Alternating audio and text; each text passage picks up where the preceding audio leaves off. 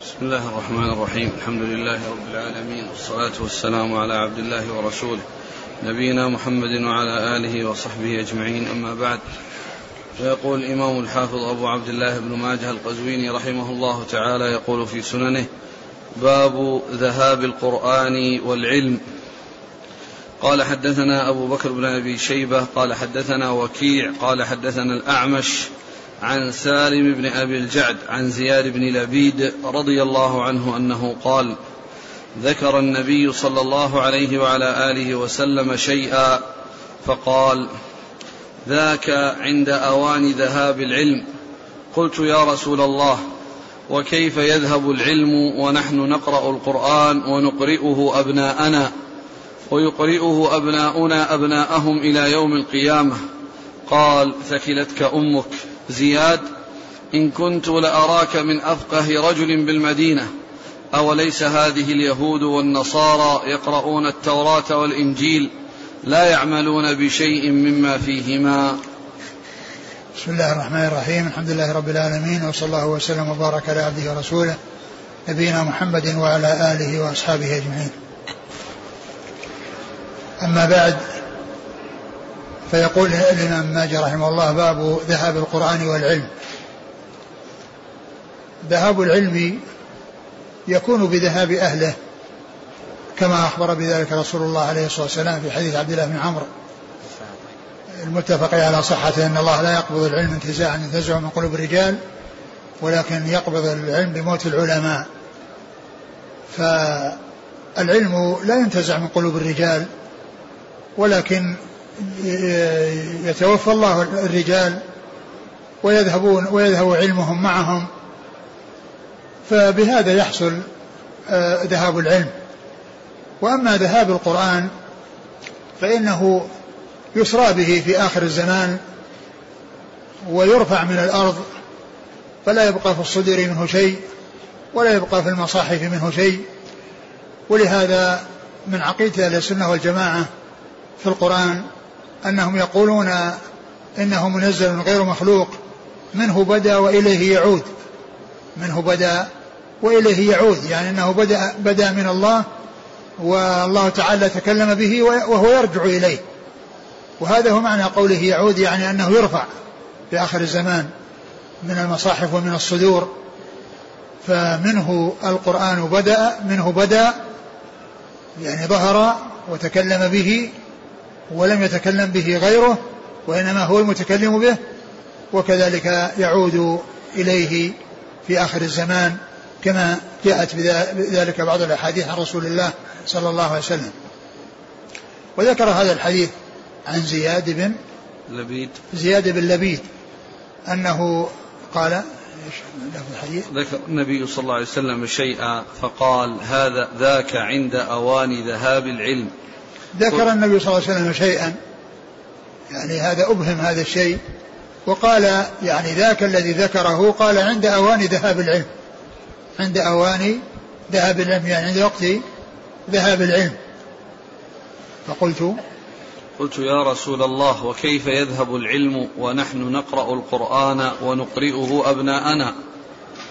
ويقرئه أبناؤنا أبناءهم إلى يوم القيامة. يعني كيف كيف كيف يذهب العلم؟ كيف؟ وكيف نعم. وكيف يذهب العلم؟ وكيف ونحن نقرأ القرآن ونقرئه أبناءنا وأبناؤنا يقرئونه أبناءهم. فقال عليه الصلاة والسلام ثكلتك أمك يا زياد أوليس اليهود والنصارى يقرؤون التوراة والإنجيل ولا يعملون بها؟ وهذا يعني يدل على أن أيضا من من من ذهاب العلم ومن أسباب ذهاب العلم أن أنه لا يعمل به يعني مع وجوده ومع معرفة الناس به فيكون ذلك يعني آه، العلم وجوده كعدمه. بل إن الضرر في ترك العمل مع وجود العلم أعظم من ترك العمل بسبب الجهل. كما قال الشاعر إذا كنت لا تدري فتلك مصيبة. إذا كنت لا تدري فتلك مصيبة وإن كنت تدري فالمصيبة أعظم. وإن كنت تدري فالمصيبة أعظم. وهذا يدل على يعني ذهاب العلم يعني بكونه آه، إذا وجد وأن من يحمل العلم لا يعمل يعمل به. فيكون وبالا عليه ويكون معرفته إياه وبالا عليه. وهو أسوأ حالا ممن يعمل بجهل فإن من يعصي الله وهو عالم أسوأ ممن يعصي الله وهو جاهل. وقوله ثكلتك هذه الجملة من العبارات التي يذكرونها من ليس المقصود منها الدعاء على الإنسان بأن يموت وأن تفقد أمه تفقده أمه وأن تكون ثكلا وأن هذه من العبارات التي كانت تذكر من أجل التعجب من شيء وأنه كيف يعني آه، يفهم هذا الفهم أو يسأل هذا السؤال. وليس معنى أن أن ذلك مما آه، آه، أنه دعاء عليه. والإمام مسلم رحمه الله ذكر في صحيحه عدة أحاديث من هذا القبيل. وختمها بحديث آخر وهو قوله صلى الله عليه وسلم اللهم من دعوت عليه وهو ليس لذلك بأهل فاجعل ذلك له زكاء وطهرا. يعني فيكون الدعاء عليه دعاء له فيكون الدعاء عليه دعاء له. وقد جاء ذلك في أحاديث مثل ثكلتك أمك مثل عقرة حلقة ومثل آآ آآ كبرت إلى كبر سنك وغيرها من الأحاديث التي جاءت عن رسول الله صلى الله عليه وسلم وليس المقصود منها الدعاء على صاحبها وإنما هو الإشفاق عليه وكونه حصل منه شيء يعني آآ آآ يعني آآ يقال في مناسبته مثل هذا الكلام. نعم. قال حدثنا أبو بكر بن أبي شيبة ثقة أخرج أصحاب الكتب إلا الترمذي. عن وكيع وكيع بن الجراح ثقة أخرج أصحاب الكتب. عن الأعمش. سليمان مهران ثقة أخرج أصحاب الكتب. عن سالم بن أبي الجعد. وهو ثقة لأصحاب الكتب. نعم. عن زياد بن لبيد. عن زياد بن لبيد أخرج له. ابن ماجه. أخرج له ابن ماجه. وقيل أن فيه انقطاع بين سالم بن أبي الجعد وبين آه، زياد بن لبيد ولكن وجد له شاهد يعني يدل على ما دل عليه. فيتقوى به ويزول أو تزول هذه العلة التي هي علة الانقطاع. نعم.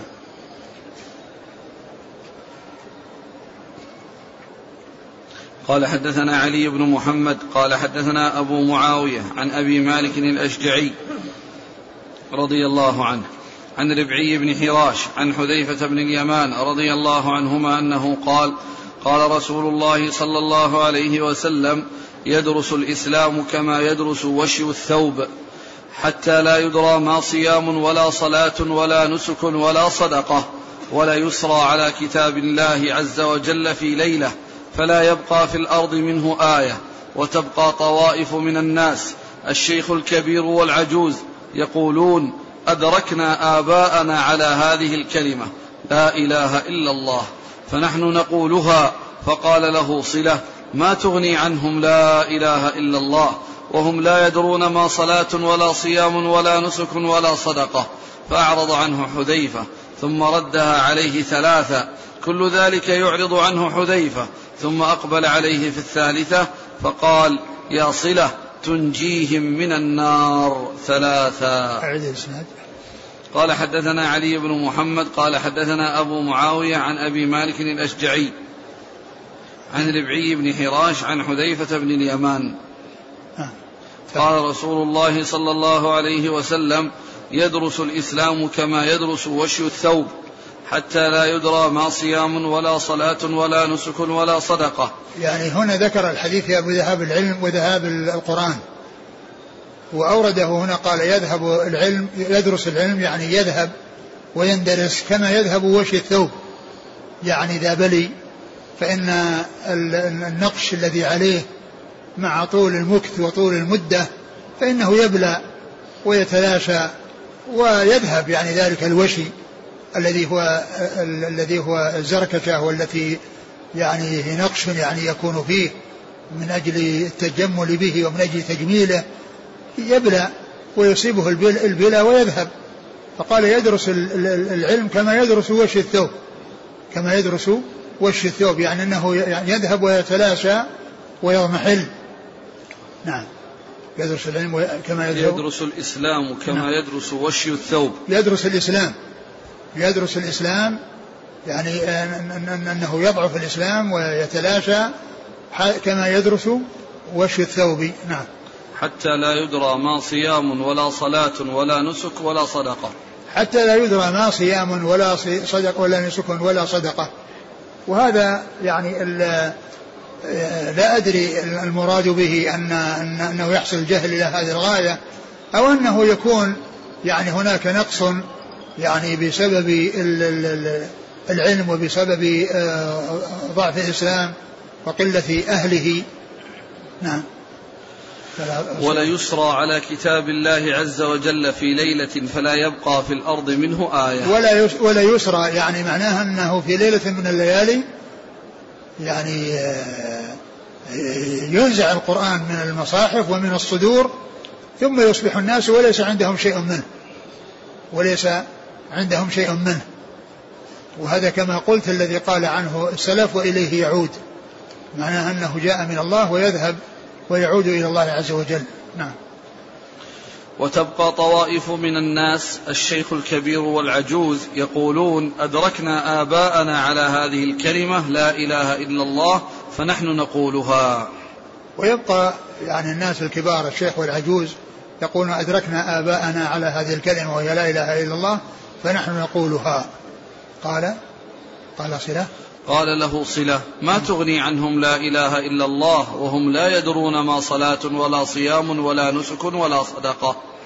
فأعرض عنه حذيفة ثم ردها عليه ثلاثة كل ذلك يعرض عنه حذيفة ثم أقبل عليه في الثالثة فقال يا صلة تنجيهم من النار ثلاثة. ثم ذكر يعني آه يعني بعد ذلك يعني هذا السؤال الذي حصل من صلة وواحد الذين كانوا يعني سمعوا هذا الكلام يعني من الصحابي فقال يعني إنه لما سأله عن عن أنهم يعني ليس عندهم إلا لا إله إلا الله فماذا تفيدهم؟ قال إنهم تنجيهم من العذاب تنجيهم من العذاب والحقيقة الحديث يعني في في معناه إشكال ومعلوم أن آه، من عنده علم بالإسلام فلا بد أن يقوم بما يجب عليه نحوه. ومن لم يكن عنده علم فإنه يتعلم.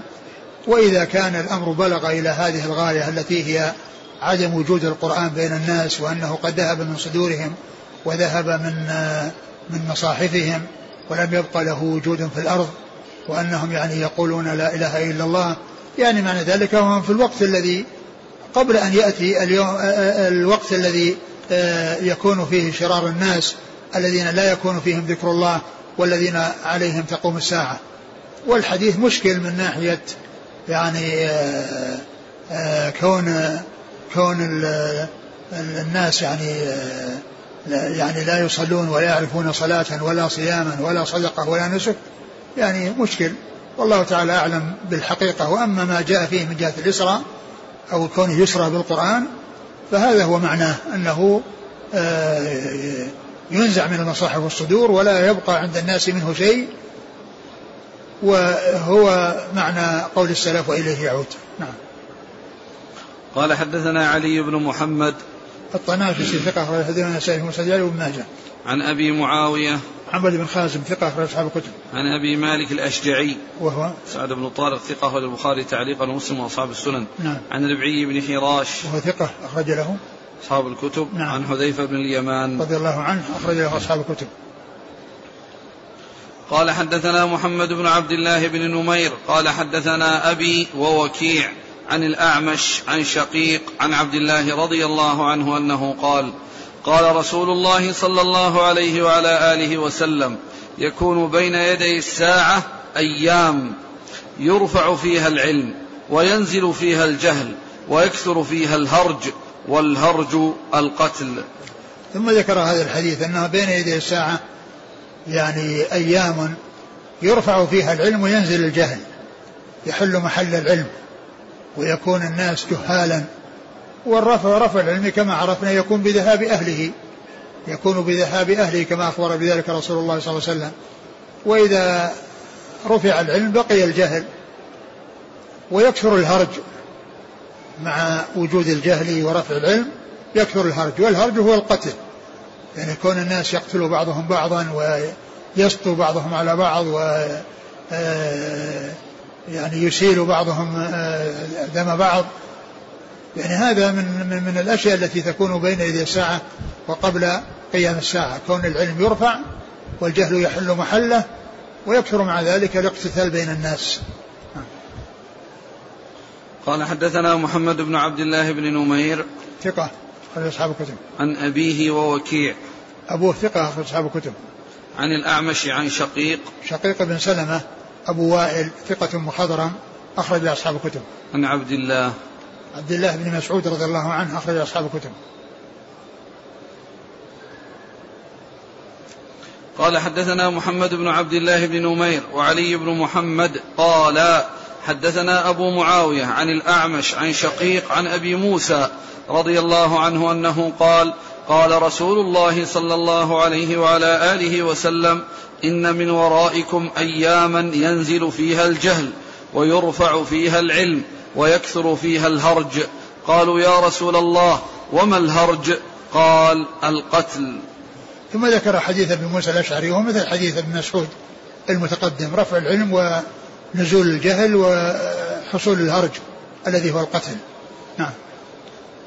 قال حدثنا محمد بن عبد الله بن نمير وعلي بن محمد عن أبي معاوية عن الأعمش عن شقيق عن أبي موسى. أبو موسى عبد الله بن قيس الأشعري رضي الله عنه أخرج له أصحاب الكتب.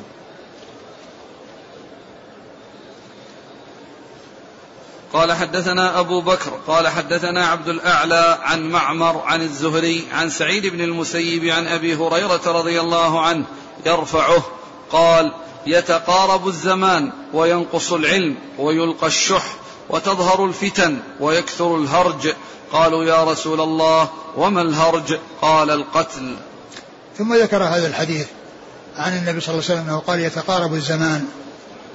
يعني وفسر ذلك بقلة بركته ويرفع العلم.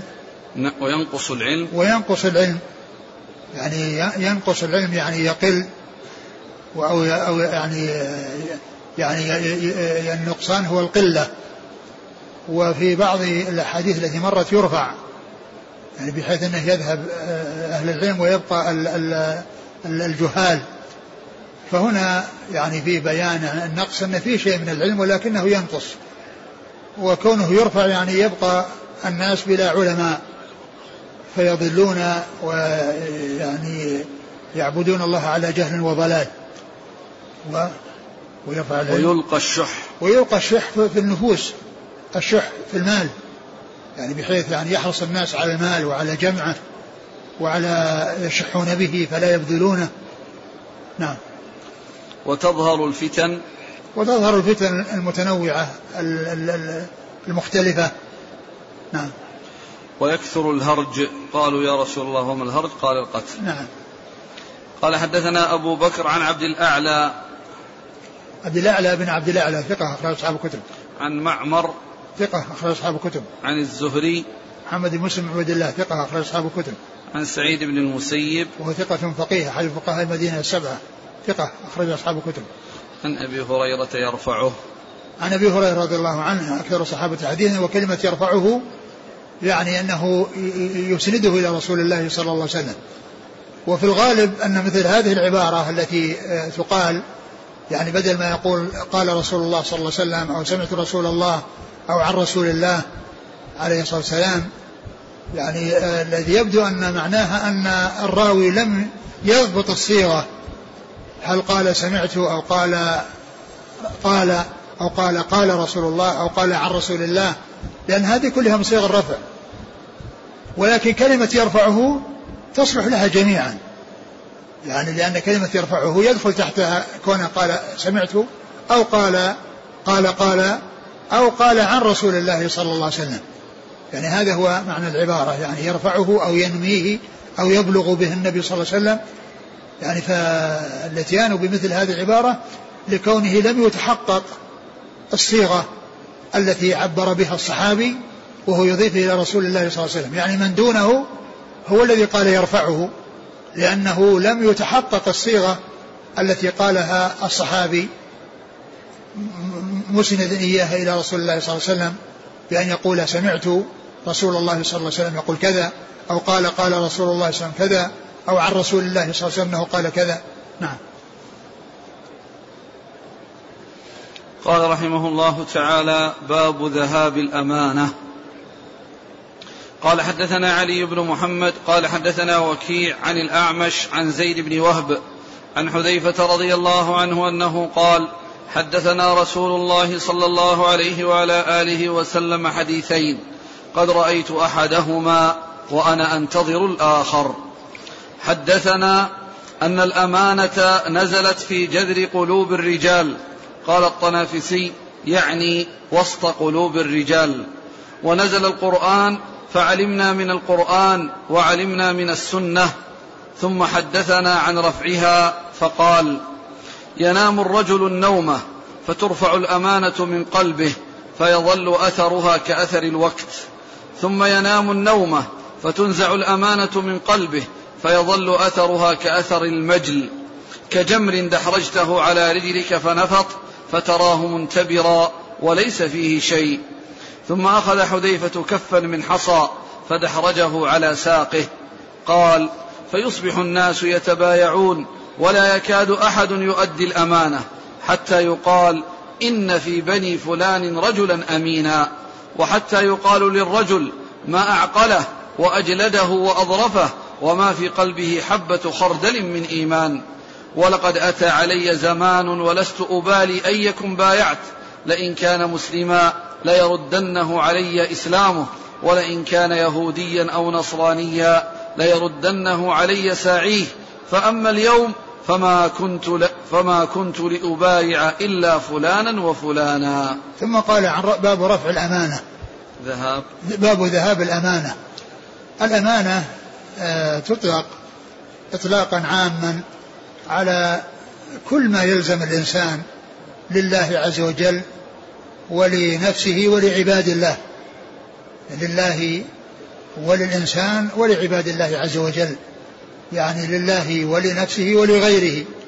هذا كله يقال له أمانة لأن حقوق الله أمانة عند الإنسان وحقوق النفس أمانة عند الإنسان وحقوق الناس قريبهم وبعيدهم أمانة عند عند الإنسان. فإن الصلاة أمانة والصيام أمانة والزكاة أمانة والغسل من الجنابة أمانة والوضوء أمانة. وكل هذه أمانات المطلوب أنه يؤتى بها على الوجه المشروع. يعني ما كان لله عز وجل يؤتى به وفقا لما شرع وما كان لنفسه يأتي به الإنسان على وفق ما جاء به الشرع وما كان لغيره من قريب أو بعيد فإنه يؤتى به وفقا لما جاء به الشرع. ويكون ومن جملة ما يكون بين الناس يعني من الأمانة يعني هي كون بعضهم يأتمن بعضا كون بعضهم يأتمن بعضا ولا يخونه. قال حذيفة رضي الله عنه حدثنا رسول الله صلى الله عليه وسلم بحديثين رأيت أحدهما وأنا أنتظر الآخر. حدثنا أن الأمانة نزلت في جذر قلوب الرجال يعني في أصل قلوب الرجال الجذر هو الأصل. وقال أحد الرواة يعني وسط قلوب الرجال. أن يعني الأمانة نزلت في القلوب وأن ما يحصل في القلوب من الأمانة فإنه يظهر على الجوارح وما يكون في القلوب من خلاف ذلك فإنه يظهر على الجوارح. كما سبق أن مر بنا في حديث نعمان بن بشير أن النبي صلى الله عليه وسلم قال ألا وإن في الجسد مضغة إذا صلح صلح الجسد كله وإذا فسد فسد الجسد كله ألا وهي القلب. قال ثم علمنا من القرآن والسنة يعني أنهم يعني آه، عرفوا التكاليف وعرفوا الأحكام الشرعية سواء ما كان يتعلق بالله عز وجل أو يتعلق بالإنسان نفسه أو يتعلق بغيره عرفوا ذلك عن طريق كتاب الله وسنة رسوله صلى الله عليه وسلم. لأن هذه الأمانات التي آه، تعتبر طبقا لما جاءت به الشرع وهو كتاب الله عز وجل وسنة رسوله صلى الله عليه وسلم هذه أخذت عن طريق عن طريق الكتاب والسنة. عن طريق كتاب الله عز وجل وسنة رسوله صلى الله عليه وسلم. فعلمنا من القرآن وعلمنا من السنة. وبعده ثم حدثنا عن رفعها فقال ينام الرجل النومة فترفع الأمانة من قلبه فيظل أثرها كأثر الوقت. ثم قال ثم حدثنا برفعها. يعني رفع الأمانة. يعني أولا نزول الأمانة ووضع الأمانة في قلوب الرجال وأنها هي المحل الذي تكون فيه الأمانة ثم رفعها وأنه قال ينام الرجل النومة فترفع نعم فترفع الأمانة من قلبه. من قلبه. فيظل أثرها كأثر الوقت. يعني فيظل أثرها مثل أثر الوقت. يعني يصير علامة يعني في القلب يعني بعد أن رفعت الأمانة منها وبعد أن حصل رفع الأمانة من قلبه يعني تكون كأثر الوقت وهي العلامة التي تخالف اللون الذي عليه القلب. نعم. ثم ينام النوم فتنزع الأمانة من قلبه فيظل أثرها كأثر المجل. ثم تنزع الأمانة ثم تنزع الأمانة ثم ف... ينام النوم. ثم ينام النومة قيل أن المقصود بالنومة يعني أن المقصود بها أنها ضعف الإيمان وأنها الضعف الذي يحصل للإنسان في دينه. ثم ينام النومة فتنزع الأمانة فيظل أثرها كأثر المجل. والمجل يعني معناه الذي يكون تكون فيه اليدين غليظة وشديدة بسبب العمل الشديد والعمل المضني. يعني بحيث يعني تتأثر اليد. ولما يكون داخلها رقيق ولين وناعم يكون فيه خشونة ويكون فيه قسوة ويكون مثل الحصى. يعني لصلابته ولشدته يعني من من من من, من, من العمل. و ولهذا يقولون يعني في آه الإنسان الذي يستخرج الماء من البئر يقال حتى مجلت يداه. مجلت يداه يعني أصابها المجل الذي هو الانتفاخ الذي يكون بصلابة وبشدة يعني ليس ب يعني لين أو شيء يعني يكون في داخلها ماء يعني خفيف وإنما يكون فيه قسوة وفي شدة. هذا هو المجل. يعني ولهذا قال مجلت يداه. يعني متح من البئر حتى مجلت يداه. لأن يعني من الرشاء الذي يعني اعتاد كثرة إخراجه من البئر تتأثر اليد بسبب دوام هذا العمل. نعم. كاثر المجل. كجمر نعم. كجمر دحرجته على رجلك فنفط فتراه منتبرا وليس فيه شيء. كجمر دحرجته على على رجلك. الجمر يطلق على الجمر الذي هو جمر النار والذي يبقى من أثر الحطب. يعني عندما يتصرم وعندما يعني يذهب يعني يبقى جمر فإنه إذا وقع مثل هذا الجمر على جسد إنسان فإنه يتأثر ويحصل آه، آه، آه، انتفاخ ولكن هذا الانتفاخ يعني رقيق بحيث أنه يكون في وسطه ماء يعني رقيق أو أن المقصود به الحصى أنه يعني يعني يوضع حصى فيكون يعني يحصل به تاثر يعني بسبب ذلك إيش؟ كجمر دحرجته على رجلك فنفط نعم. فتراه منتبرا وليس فيه شيء. فتراه منتبرا يعني بارز في بروز ولكن ليس في داخله شيء. يعني ليس من جنس المجل الذي الذي كان يعني صلابة وإنما هو شيء انتفق وليس فيه شيء. وإن كان فيه شيء يكون يعني يعني ماء رقيق يعني يعني سائل يكون بسبب آه، الحرارة التي تكون من الجمر. أو آه، آه، الإصابة التي تكون من الحصى. نعم. ثم أخذ حذيفة كفا من حصى فدحرجه على ساقه. ثم أخذ كفا من حصى فدحرجه على ساقه يعني يضرب المثل بالذي يحصل بسببه الانتفاض هذا أو النفط. نعم. قال فيصبح الناس يتبايعون ولا يكاد أحد يؤدي الأمانة. فيصبح الناس يتبايعون. يعني بعدما نزعت الأمانة يصبح الناس يتبايعون ولا يكاد أحد يؤدي الأمانة. يعني معناها أنه تقل الأمانة في الناس. تقل الأمانة الناس ويتبايعون المقصود يتبايعون ببيع الشراء. ليس المقصود البيعة بالولاية وإن المقصود البيعة بالبيع والشراء. يتبايعون نعم فلا يتبايعون. لا يكاد أحد يؤدي الأمانة. لا يكاد أحد يؤدي الأمانة يعني تكثر الخيانة فيهم ويندر فيهم وجود الأمانة. حتى يكون الأمين يضرب به المثل لقلته وندرته وعزته. نعم. حتى يقال إن في بني فلان رجلا أمينا. حتى يقال إن في بني فلان رجلا أمينا. إن في بني فلان رجلا أمينا. يعني معناه أنه يضرب به المثل لقلة لقلته وندرته. عندما يسأل الناس عن الأمناء ومن يعرف من الأمناء حتى يتعامل معهم وحتى يعني يمثل. تمثيل بمن يكون أمينا. نعم. وحتى يقال للرجل ما أعقله وأجلده وأظرفه وما في قلبه حبة خردل من إيمان. وحتى يقال للرجل ما أعقله وما أظرفه وما أظرفه وما أجلده. وما أجلده يعني عنده جلد وعنده كذا ولكنه يعني حسب الظاهر. يعني وليس في قلبه شيء من الإيمان. يعني معنى ذلك أنه يعني يصير يعني يعني كحال المنافقين. يعني يظهر إذا رأيت أن تعجبك أجسامهم وأن يقولوا تسمع لقولهم كأنهم خشب مسندة. يعني ف يقال يعني فيه يعني يعني من حسن المنظر وحسن ما يظهر يعني إن أنه كذا وأنه كذا ولكن الباطن خاو وخال من الإيمان. نعم. ولقد أتى علي زمان ولست أبالي أيكم بايعت. لئن كان مسلما ليردنه علي إسلامه ولئن كان يهوديا أو نصرانيا ليردنه علي ساعيه.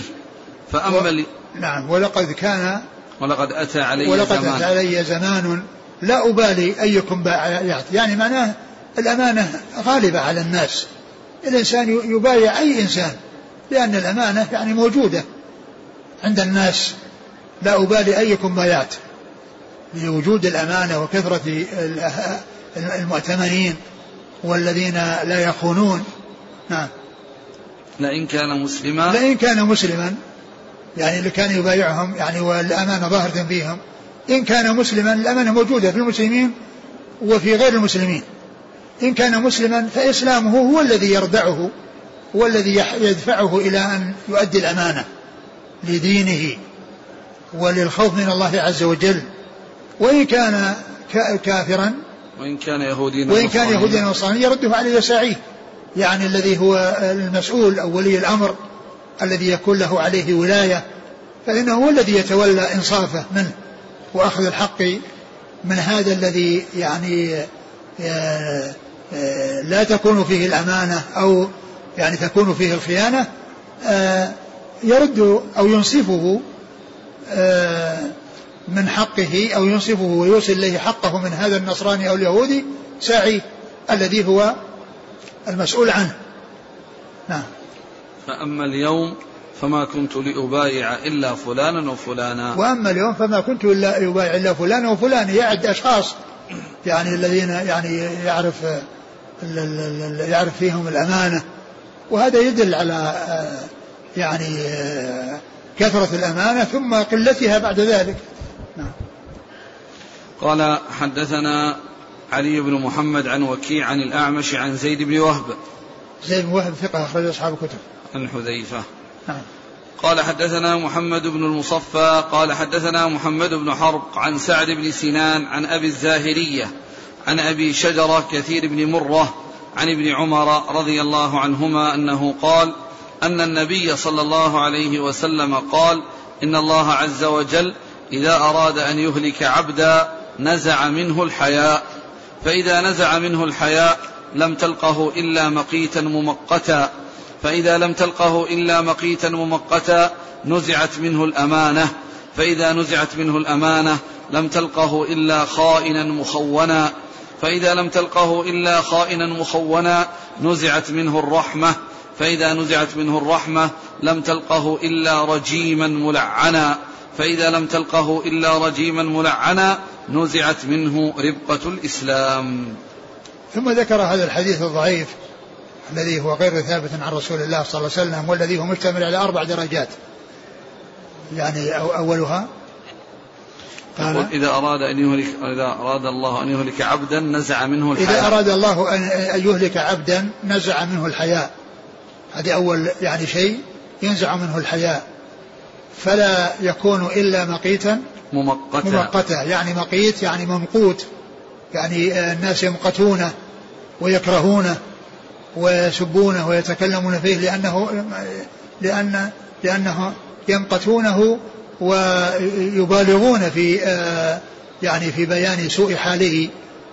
هذا نزع منه الحياء فإذا لم يكن إلا مقيتا ممقتا بسبب نزع الحياء منه نزعت منه الأمانة. نعم.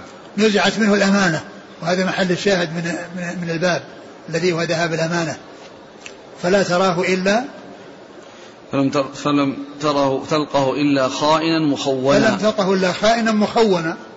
لأنه ليس أمين ذهبت عنه الأمانة. خائن في نفسه والناس يصفونه بالخيانة. نعم.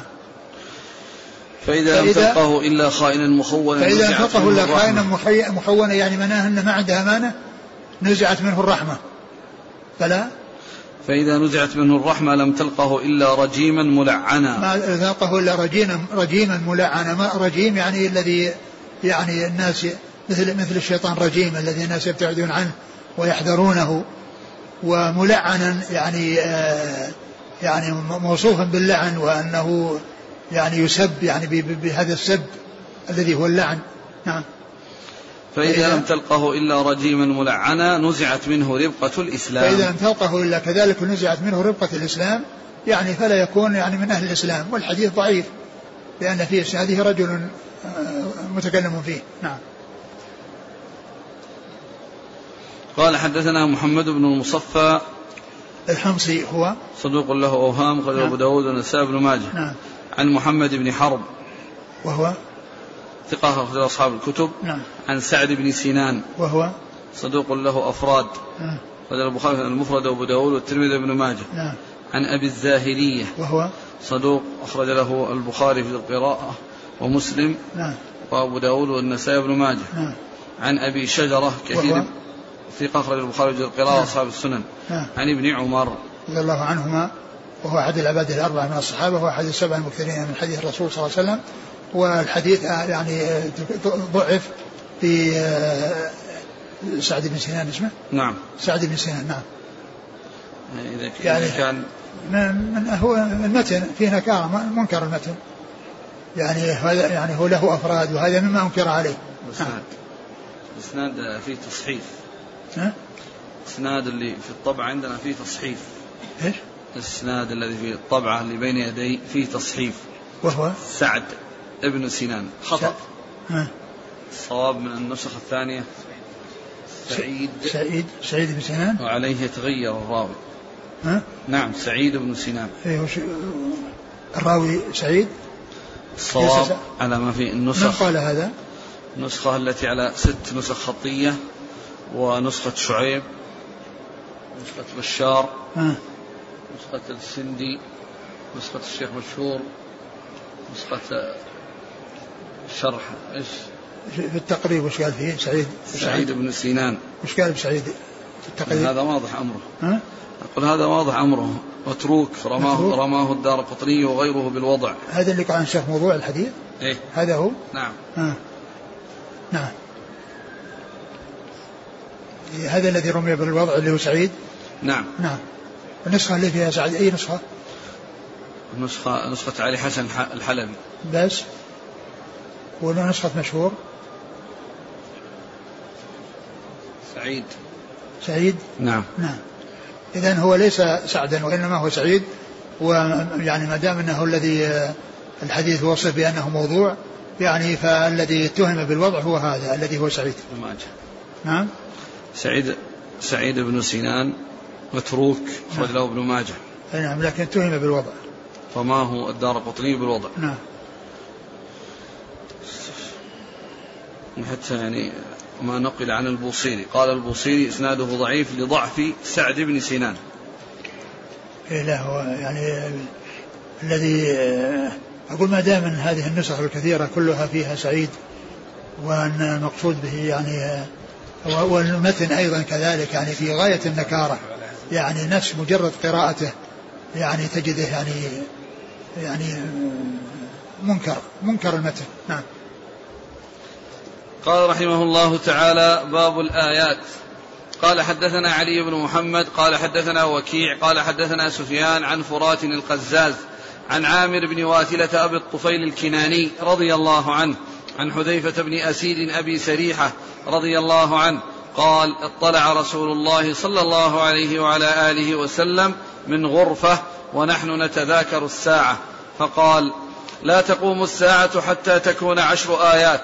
طلوع الشمس من مغربها والدجال والدخان والدابة ويأجوج ومأجوج وخروج عيسى بن مريم عليه الصلاة والسلام وثلاث خسوف خسف بالمشرق وخسف بالمغرب وخسف بجزيرة العرب.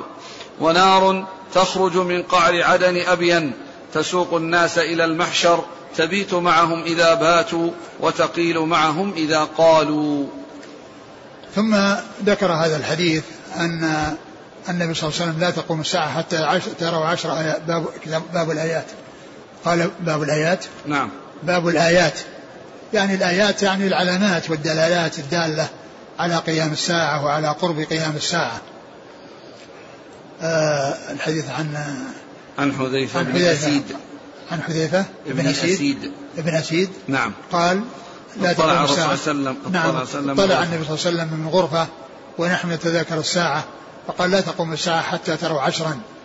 والحديث سبق أن مر وفيه ذكر الثلاثة الأولى فقط الثلاث الأولى فقط.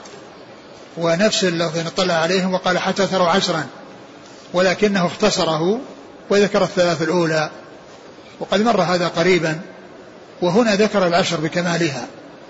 وهنا أعاد أعادت ابن ماجه الإسناد وذكر الحديث بذكر العشر وذكر الثلاث الأولى التي سبق أن مرت الدجال.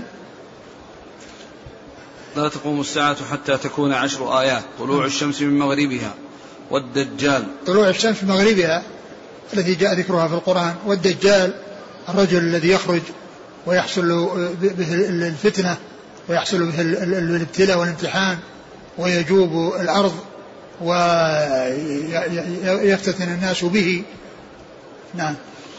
والدخان. والدخان يعني كذلك قد يكون في آخر الزمان لأنه يعني من العلماء من قال أن الدخان هو الذي حصل لقريش وأنهم يعني حصل سن مجدبة بحيث يعني ينظرون إلى آه، آه، يعني آه، ينظرون يعني لا يجدون إلا الدخان من شدة الجدب والقحط وعدم وجود الأمطار والخصب وقيل إنه يعني من بين أشراط الساعة التي تكون في آخرها ولهذا عده صلى الله عليه وسلم من هذه الآيات التي تكون في آخر الزمان.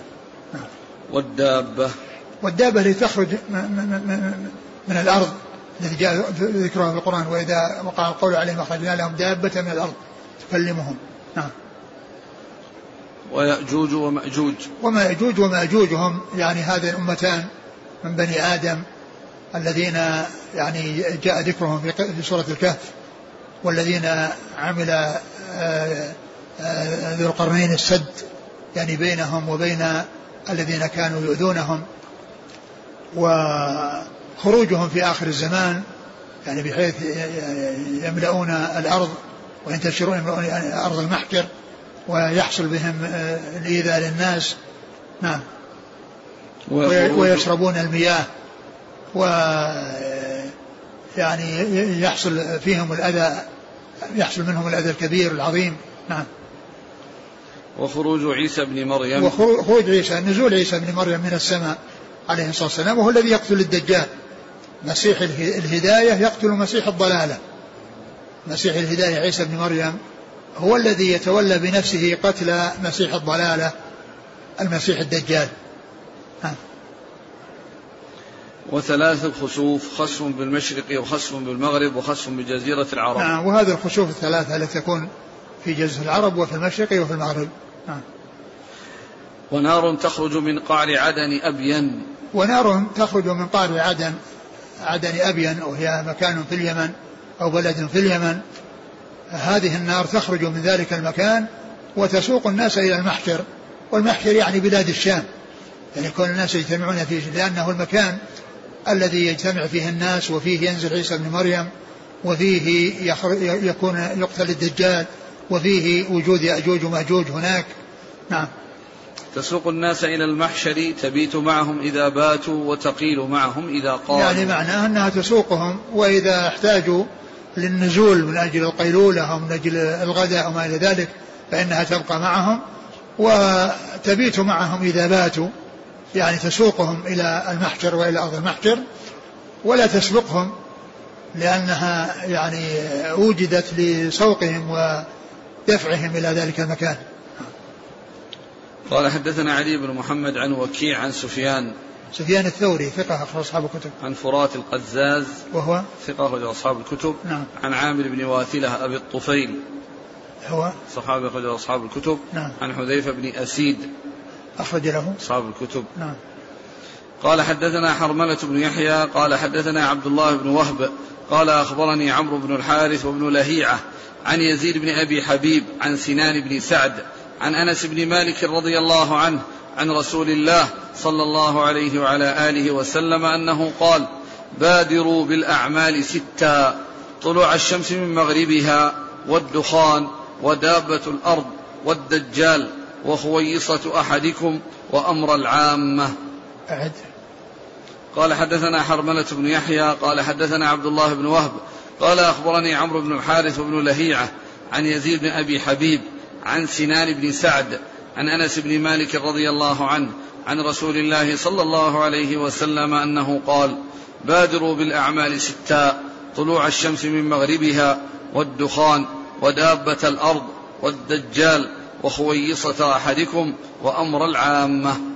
ثم ذكر قال بادروا بالأعمال ستة يعني بادروا بالأعمال الصالحة. ما دمتم في سعة وما دمتم لم تأتي الفتن. قبل أن تأتي الفتن فتنشغلوا بها. وتذهلكم وتشغلكم. فالمبادرة بالأعمال يعني مع وجود التمكن من الأعمال منها هذا مطلوب.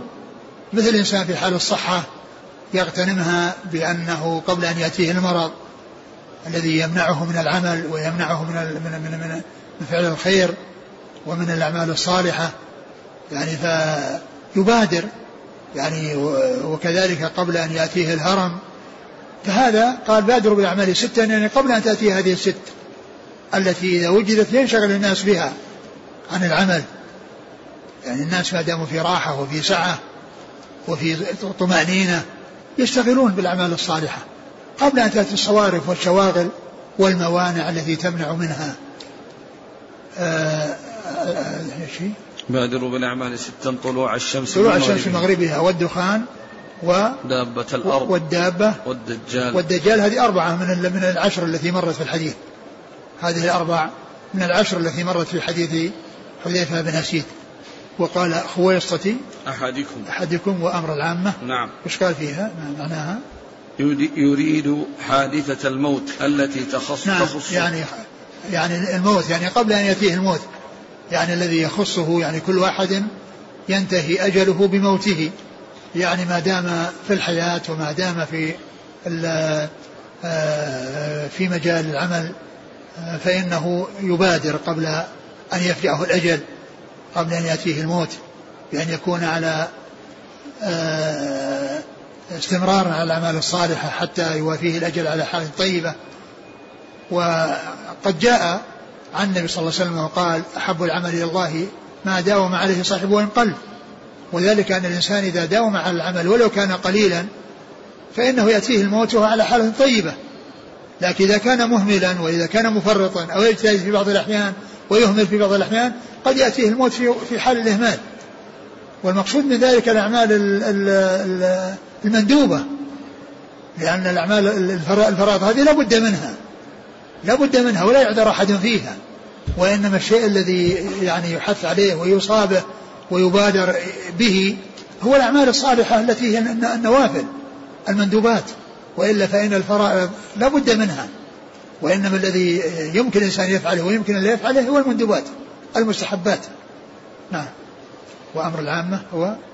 قال أي قبل أن يتوجه إليكم أمر العامة نعم. والرياسة. يعني قبل أن يكون الإنسان يعني ما دام في سعة في من أمره وما دام أنه فارغ البال وغير مشغول قد يأتيه قد يأتيه شيء يشغله بأن يسند إليه ولاية أو رئاسة أو يعني يعني شيء يشغله عن عن عن الأعمال الصالحة. نعم. قال حدثنا حرملة بن يحيى التجيبي صدوق أخرج له مسلم النسائي بن ماجه. نعم. عن عبد الله بن وهب ثقة أخرج أصحاب الكتب. عن عمرو بن الحارث ثقة أخرج أصحاب الكتب. وابن لهيعة. صدوق أخرج له. مسلم وداود الترمذي وابن ماجه. نعم. عن يزيد بن أبي حبيب. هو ثقة أخرج أصحاب الكتب. عن سنان بن سعد. وهو صدوق له أفراد أخرج البخاري في المفرد وأبو داود الترمذي وابن ماجه. نعم. عن أنس بن مالك. رضي الله عنه. أخرج أص- وهو أحد السبعة المكثرين من حديث الرسول صلى الله عليه وسلم. وأكثر إسناده مصريون. حرملة بن يحيى وابن وهب وعمرو بن الحارث وابن لهيعة و يزيد بن أبي ويزيد بن أبي حبيب كلها مصريون. والثاني اسمه؟ سنان بن سعد. ما أدري هل هو مصري ولا لا؟ شوف ترجمته. كذلك مصري. مصري؟ نعم. إذا كلهم إلا الصحابي. كلهم مصريون إلا الصحابي. نعم. قال حدثنا الحسن بن علي الخلال قال حدثنا عون بن عمارة قال حدثنا عبد الله بن المثنى بن ثمامة بن عبد الله بن أنس عن أبيه عن جده عن أنس بن مالك رضي الله عنه عن أبي قتادة رضي الله عنه أنه قال قال رسول الله صلى الله عليه وعلى آله وسلم الآيات بعد المئتين. ثم ذكر هذا الحديث عن أبي عن أبي قتادة قتاده الأنصاري رضي الله عنه قال عليه السلام الآيات بعد المئتين. الآيات يعني العلامات الآيات هي العلامات يعني بعد المئتين يعني بعد مضي مئتي سنة يعني من من زمنه صلى الله عليه وسلم يعني معناها أنها تقع بعد المئتين. والحديث يعني ضعيف. وقد جاء عن البخاري أنه قال وقد جاءت المئتان ولم تأتي آيات وقد مضت المئتان ولم تأتي آيات. يعني فهو يعني من حيث السند ومن حيث الواقع. من حيث السند يعني من حيث الواقع أنه ما قد حصل. نعم. قال حدثنا وقيل بعض العلم قال إن هذه إن المقصود بها ما حصل من فتنة الإمام أحمد والعلماء الذين حصلت لهم الفتنة بسبب يعني خلق القرآن ويعني آه، وما حصل من المأمون يعني حول آه، الذين لا يقولون بخلق القرآن وإيذائهم. نعم. قال حدثنا الحسن بن علي الخلال هو ثقة أخرج أصحاب كتب إلا النسائي. عن عون بن عمارة وهو ضعيف. رجل ابن ماجه. نعم. عن عبد الله بن المثنى بن ثمامة بن عبد الله بن أنس. وهو؟ صدوق كثير الغلط. آه. رجل البخاري والترمذي وابن ماجه. نعم هو يروي عن ثمامة. يروي عن عمه ثمامة. وليس يعني عن جده لأنه يعني عبد الله بن مثنى لأن مثنى أخو أخو آه، ثمامة. والرواية ليست عن المثنى وإنما هي عن ثمامة الذي هو العم. هو ثمامة؟ صدوق أخرج أصحاب الكتب. نعم. عن جده أنس بن مالك. رضي الله عنه وهو وقد مر ذكره نعم. عن أبي قتادة. الأنصاري عبد وهو ربعي بن الحارث رضي الله عنه أخرج له أصحاب الكتب. قال حدثنا نصر بن علي الجهضمي. قال حدثنا نوح بن قيس. الحارث, بن ربعي. ها وربعي ولا الحارث الحارث بن ربعي بن الحارث الحارث بن ربعي نعم شفت اسمه نعم. أيهما؟ الحارث بن ربعي نعم. نعم الحارث بن ربعي نعم. قال حدثنا نصر بن علي الجهضمي قال حدثنا نوح بن قيس قال حدثنا عبد الله بن معقل عن يزيد الرقاشي عن أنس بن مالك رضي الله عنه عن رسول الله صلى الله عليه وسلم أنه قال أمتي على خمس طبقات. فأربعون سنة أهل بر وتقوى ثم الذين يلونهم إلى عشرين ومائة سنة أهل تراحم وتواصل ثم الذين يلونهم إلى ستين ومائة إلى ستين ومائة سنة أهل تدابر وتقاطع ثم الهرج الهرج النجا النجا ثم ذكر هذا الحديث قال أمتي على خمس طبقات آه. فأربعون سنة أهل بر وتقوى. أربعون سنة يعني تمضي بعده صلى الله عليه وسلم أهل بر وتقوى.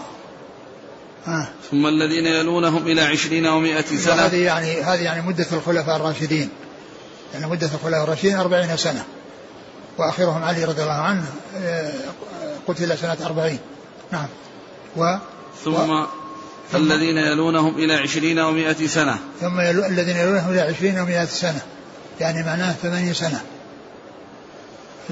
أهل تراحم وتواصل. أهل تراحم وتواصل نعم. ثم الذين يلونهم إلى ستين ومائة سنة.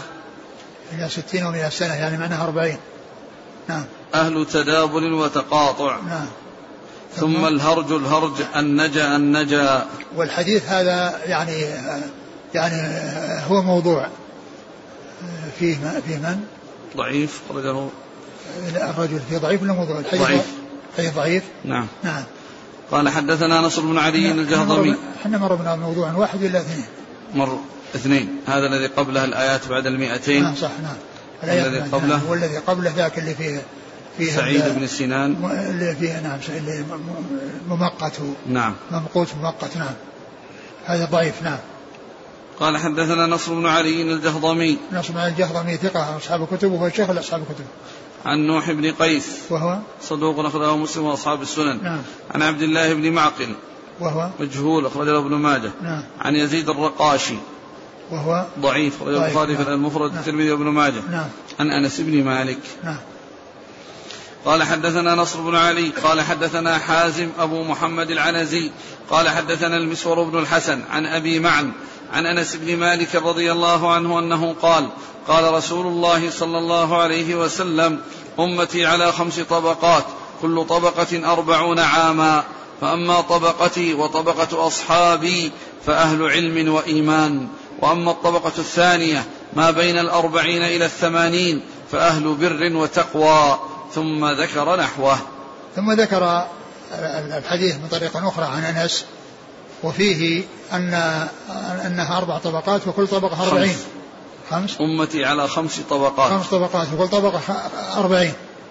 وهناك يعني آه، وصل إلى 160 وهنا يصير يصل إلى 200 وذاك فيه يعني آه، يعني فيه يزيد الرقاشي وفيه المجهول الذي قبله. وأما هذا الإسناد ففيه ثلاث مجاهيل. ثلاث مجاهيل هو آه، ناصر بن علي عمن عن حازم أبي نعم محمد. يعني هؤلاء الثلاثة اللي في الوسط بين شيخ ابن ماجه وبين الصحابي كلهم مجاهيل. نعم. قال حدثنا نصر بن علي عن حازم أبي محمد العنزي. مجهول أخرج له. مجهول الحال أخرج له ابن ماجه. نعم. عن المسور بن الحسن. وهو أيضا مجهول. أخرج له ابن ماجه. نعم. عن أبي معن. وهو مجهول. أخرج له ابن ماجه. نعم. عن أنس بن مالك. نعم. قال رحمه الله تعالى باب الخسوف والله تعالى أعلم وصلى الله وسلم وبارك على عبده ورسوله نبينا محمد وعلى آله وأصحابه أجمعين. جزاكم الله خيرا وبارك الله فيكم ألهمكم الله الصواب ووفقكم للحق ونفعنا الله بما سمعنا وغفر الله لنا ولكم وللمسلمين أجمعين. شوف خليل يقول هل يصح تسمية الدابة بالجساسة وهل هي الجساسة أو هل تسمى كذلك الواسمة؟ ما نعلم. ما أقول لا نعلم شيئا يعني يدل على تعيينها. هل النار التي تخرج من عدن تنتشر في الدنيا كلها حتى يجتمع الناس في جزيرة العرب ثم تسوقهم إلى أرض المحشر؟ لا أدري. كيف الجمع أن في آخر الزمان يكثر المال فلا يأخذه أحد وما ورد معنا في الحديث ويلقى الشح. يعني كما هو معلوم في أوقات يعني يكون فيها الحرص على المال مر بنا بالحديث أن أنه ينحسر الفرات عن جبل ويعلم الناس أن الهلاك 99% والنجاة 1% ومع ذلك يحرصون على الدنيا. ورد أن المال يفيض حتى أن الإنسان يمشي بصدقته يبحث عن أحد يأخذها فكل يعتذر لأن عندهم ما يغنيهم لأن كل عنده ما يغنيه. الحاصل أن آه، الأحاديث التي فيها كثرة المال في آخر الزمان والأحاديث التي فيها شح الناس بالمال وتقاتلهم عليه في آخر الزمان لا تنافي بينها لأن هذا يحصل في بعض بعض الأزمنة وهذا في بعض الأزمنة. فحديث آه، كون الفرات يحصل عن جبل من ذهب وأن الناس يعلمون أن الهلاك 99% والنجاة 1% ومع ذلك كل يرجو أن يكون 1% هذا يدل على شدة الحرص على المال. وكذلك الأحاديث التي أن الأرض تخرج ما في بطنها من الكنوز فالناس يعني يعني يكثر فيهم المال ويبحث الرجل من يأخذ صدقته فلا يجدها. لا تنافي بينها. هذه في زمن وهذه في زمن. من أواخر الزمان. نعم. الدرس الماضي كان في كلمة ذكرتم؟ يعني المعنى لها غير واضح أغفاله. إيه. هذا كتاب إنجاز الحاجة شرح سنن ابن ماجه. يقول من أغفاله أي مما لا خير فيه. جمع غفل. لتنتقون كما ينتقى التمر من أغفاله أي مما لا خير فيه. ما أدري ما أدري هل هل يعني في اللغة الغفل الغفل هو الذي يعني خالي من العلامة. يعني يعني غفل من العلامة غفل من, من يعني من يعني مثل الناقة الموسومة غفل من الوسم مثلا. يعني عليها وسم كذا وسم كذا ويقال غفل يعني ليس عليها وسم. لكن كونه يعني رديء أو المقصود أنها لا خير فيه لا خير فيه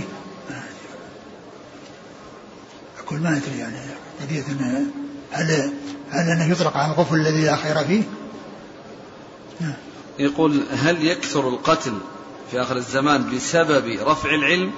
آه، لا شك أن العلم هو يعني فيه تبصير وفيه يعني معرفة الأحكام الشرعية ويحصل بسببه الامتناع من القتل نفسه وكونه يمنع من غيره. لا شك أن الجهل وعدم العلم لكن من أسباب يعني كثرة القتل. السؤال الثاني يقول لماذا خص الله الأمانة بالضياع والرفع في آخر الزمان؟ لأن الأمانة كما هو معلوم هي عامة يعني ليست خاصة في الودائع والأشياء التي تكون يعني للناس. نعم. وسؤال وبعدين يعني هي أول ما يفقد. يعني الأمانة أول ما يفقد والصلاة آخر ما يفقد. كما جاء في ذلك الحديث عن رسول الله صلى الله عليه وسلم. أول ما يفقد الناس من دينهم الأمانة هو آخر ما يفقدون الصلاة. وإذا فقد آخر الشيء لم يبقى منه شيء. هذا المكتبة الجيبية كتاب العين. العين. إيه للفراهيدي لمن؟ العين إيش؟ للفراهيدي. العين في, في معجم اللغة الفراهيدي. نعم نعم. يقول والغفل المقيد لا يرجى خيره ولا يخشى شره. الغفل؟ إيه. المقيد لا يرجى خيره ولا يخشى شره. وقد اغتفل والجميع الأغفال. والجمع والجميع هكذا. ورجل غفل ليس يعرف ما عنده. يعرف ما عنده. ويقال لا يعرف له لا يعرف له حسب وجمعه أغفال.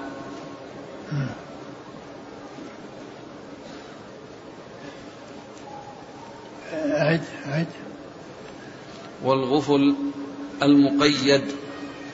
لا يرجى خيره ولا يخشى شره. ما المقيد كلمة مقيد هذه. نعم. لا يرجى خيره. ولا يخشى شره. وقد اغتفل والجميع الأغفال. ورجل غفل أو غفل ليس يعرف ما عنده. ويقال لا يعرف له حسب وجمعه أغفال. ما في شيء واضح يدل على انتقاء التمر من أغفاله. ثم قال وغفل فلان نفسه أي كتمها في الناس ولم يشهرها. هنا. يقول إذا خرجت النار من اليمن وحشرت الناس إلى الشام هل معنى ذلك لا يبقى في مكة والمدينة أحد؟ يعني هو الذي يبدو هذا معناه. هذا يقول هل الصحابة رضي الله عنهم كانوا قد اختلفوا في خلافة عثمان رضي الله عنه؟ بحيث بعضهم كانوا يفضلون خلافة علي على خلافة عثمان. لا ما نعلم خلاف في قضية تقديم تقديم عثمان على علي بالخلافة. لا لا نعلم فيها خلاف.